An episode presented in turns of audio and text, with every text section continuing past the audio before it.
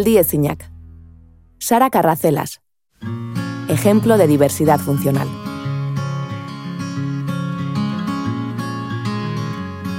La natación para mí es medicina.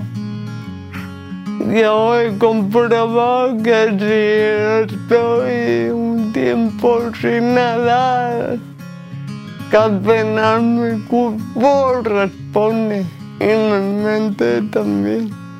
En casa quieras o no te protege. Fuera de casa te tienes que sacar el castañar del fuego tú sola.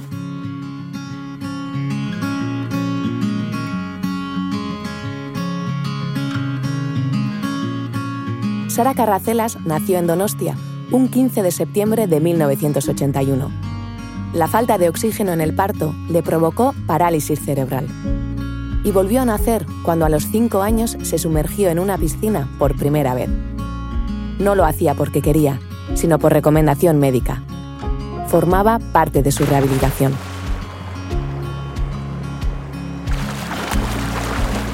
Yo recuerdo cada semana venir con la monedita aquí al parque a hacer fisio y natación. En la piscina me plantearon que había competiciones y tal y cual. Me la plantearon, probé, me gustó y no paré.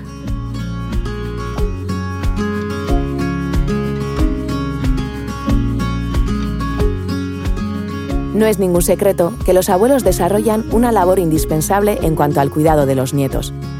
En el caso de Carracelas, ese cuidado se traducía en la compañía de su abuela Eugenia. Cada tarde, Eugenia le acompañaba a las piscinas de Anoeta, donde conoció a Julia Pérez, su entrenadora.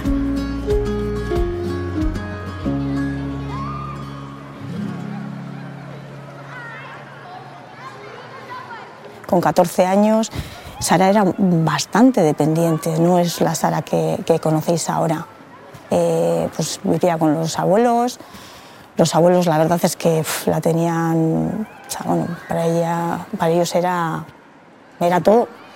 Y eh, iban con ella a cualquier sitio, hacían cualquier cosa por ella.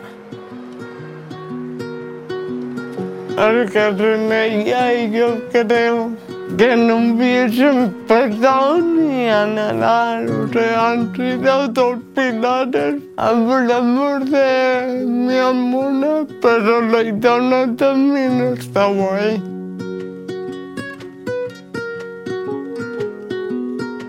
Y con la ayuda de Julia Pérez, Sara Carracelas se animó a competir, cuando el deporte adaptado todavía estaba empezando.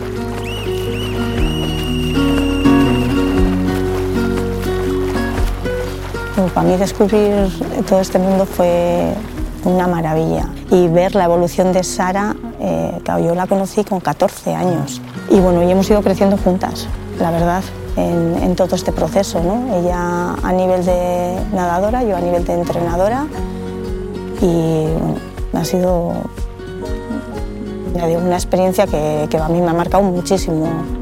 Me costó un montón el día que decidí dejarlo, ¿no? Final era pelear para conseguir las mínimas para poder hacerlo. O sea, era el grupo el que arrancaba, era la discapacidad la que arrancaba. Nunca me he parado a pensar ¿no? de que podíamos haber sido pioneras ¿no? en, el, en, el, deporte. ¿no?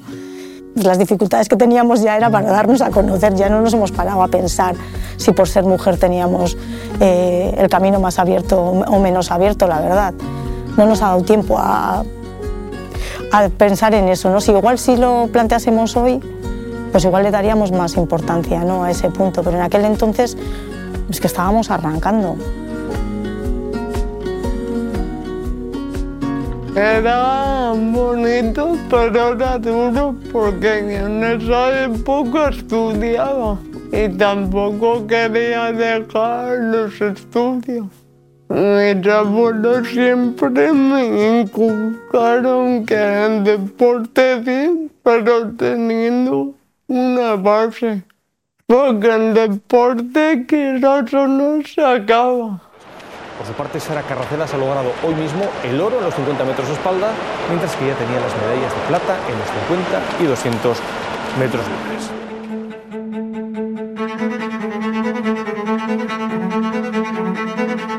El deporte se acaba, pero no sin antes dejar huella. Carracelas debutó en Atlanta 96. Tenía solo 14 años.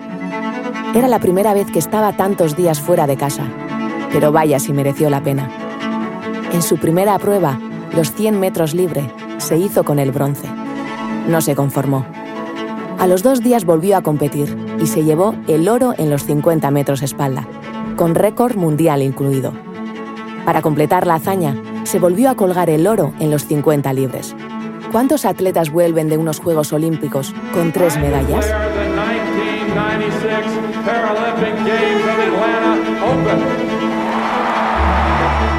En el 96 no había los recursos de ahora, ni redes sociales, no se manejaba tanto internet. No me vieron nadar por la tele. O sea, y si me vieron fue cosa de un resumen de dos minutos.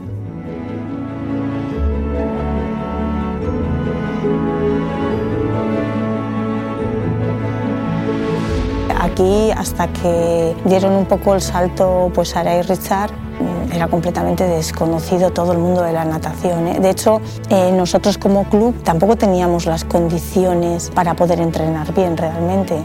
Éramos voluntarios, todos los que estábamos ahí trabajando. Eh, como mucho percibíamos una gratificación, pues para que no nos supusiese un gasto lo que estábamos haciendo. Entonces no teníamos muchos recursos para poder avanzar con, con lo que estábamos haciendo. ¿no? Primero eso, que no había muchos recursos, que no era conocido para nada, eh, que estaba mezclado muchísimo eh, discapacidades de todo tipo. Y, la verdad es que bueno, eh, ha costado dar a conocer, y sí es cierto que un poquito solo el entorno. También es verdad que, bueno, pues que la familia de Sara, pues una familia muy normal, muy conocida en el pueblo, pero fuera en los contextos pues tampoco se ha dado mucha, mucha publicidad, ¿no? O sea, para todos los éxitos que ha tenido, poquito, poquito, la verdad.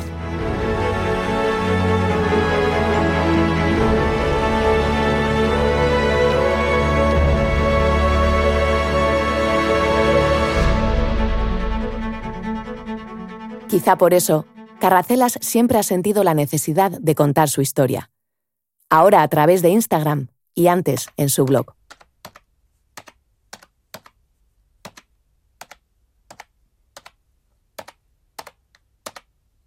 Cuando yo competía, hacía este blog. Lo empecé tarde, la verdad. ¿eh? Escribí cosas de campeonato poco a escribir experiencia. Ahora sí que es verdad que eh, redacto experiencias mías en Instagram, porque es lo que más está ahora llegando a la gente.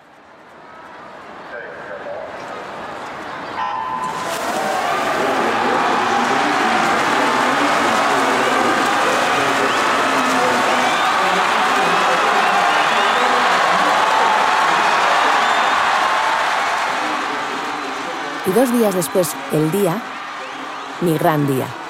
Para mí, un gran día. Era el día para el cual me había preparado los últimos cuatro años, pero especialmente el último año. Encima era un día muy, muy especial, porque era mi cumpleaños. Era perfecto. Mejor imposible. Era el momento de demostrar el trabajo de los últimos meses. Hasta creo que los últimos 20 metros iba primera, lo notaba yo, pero veía muy cerca a mi rival de la calle de al lado Intenté aguantar el tirón, pero señoras y señores, no pude ser. Toqué la pared, me incorporé, me quité las gafas y en el marcador ponía tercera, pero con un tiempo de 1.16.33, que era el récord del mundo dentro de mi categoría. Así contó Sara sus últimos juegos en el blog Larga vida a una sirena. Ese bronce fue su décima medalla olímpica. Diez. Las mismas que Carl Lewis, considerado el mejor atleta de la historia.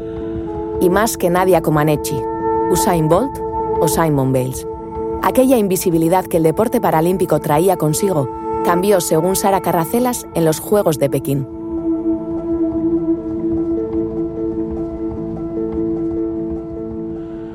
En 2008 en Pekín, el, fue todo lo contrario, de poner la tele y hemos visto todo el día en la tele. Entonces ahí el deporte paralímpico va de mejora. Y yo creo que hay que seguir mejorándolo. Porque nunca vamos a estar equitativamente como los olímpicos.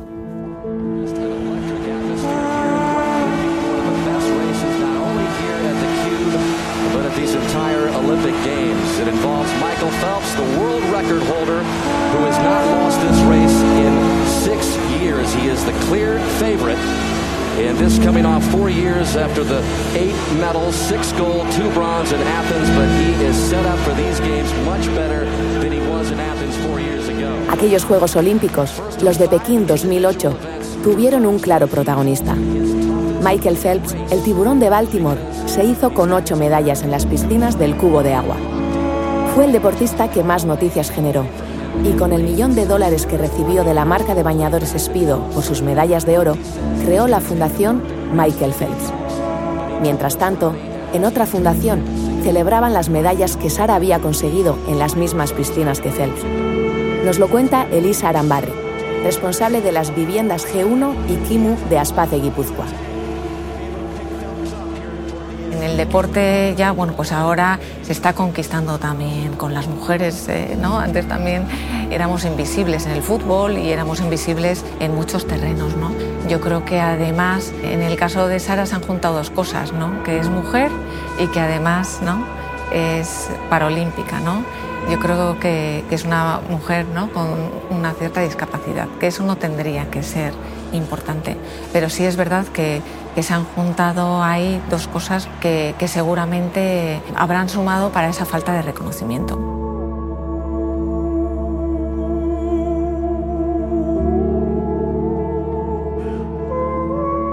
En Aspace yo creo que sí que tiene reconocimiento, todo el mundo conoce a Sara. En, en su pueblo eh, sí que tiene un polideportivo a su nombre, pero sí que es verdad que, Sara tendría que haber estado como profesional del deporte para llevar a grupos, equipos. Yo creo que, ya se hubiera merecido ¿no? Eh, un puesto así ¿no? Eh, dentro de, de la propia organización.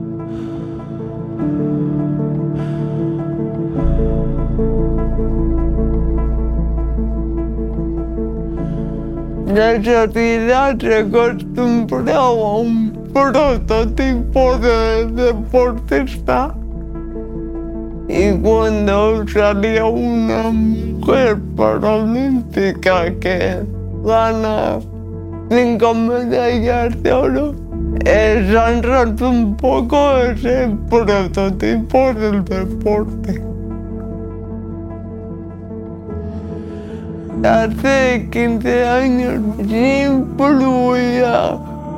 Las mujeres paralímpicas menos reconocimiento. Yo creo que si ahora volverían a dar a competir, creo que sería distinto.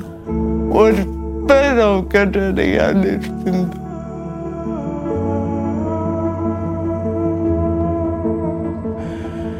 Por supuesto que sería distinto, sobre todo por el camino que ha abierto ella. Carracelas dejó de competir, pero no se alejó del agua. Ha participado durante años en el trofeo Sara Carracelas de natación adaptada, que se celebraba en Herrentería.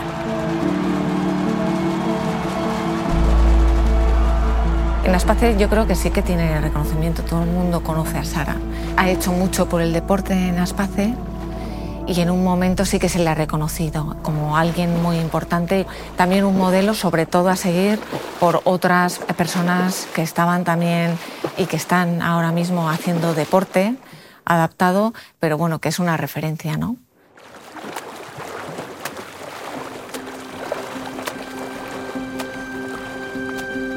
Aunque Sara Carracelas no ha recibido todo el reconocimiento que se merecía, la nadadora nunca ha dejado de sonreír. Como siempre dice ella, viviendo la vida de la mejor manera que sé. Lo poco, mucho que, que vivo, lo disfruto.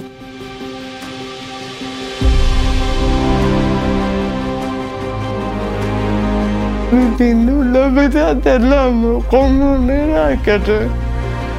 Porque nadie te enseña a vivir la vida. Que una discapacidad no te impide disfrutar de la vida.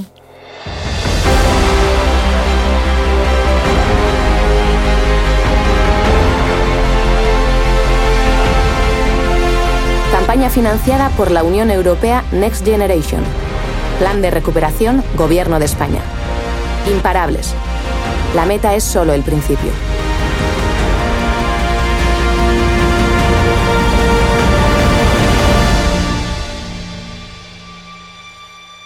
Dirección Íñigo Asensio. Producción ejecutiva Elena Echevarrieta. Guión y montaje Goyuri Ezeiza. Postproducción de sonido Noise Studio A. Locución Ollana Maritorena. Una producción de Corima Films para la Fundación Basque Team.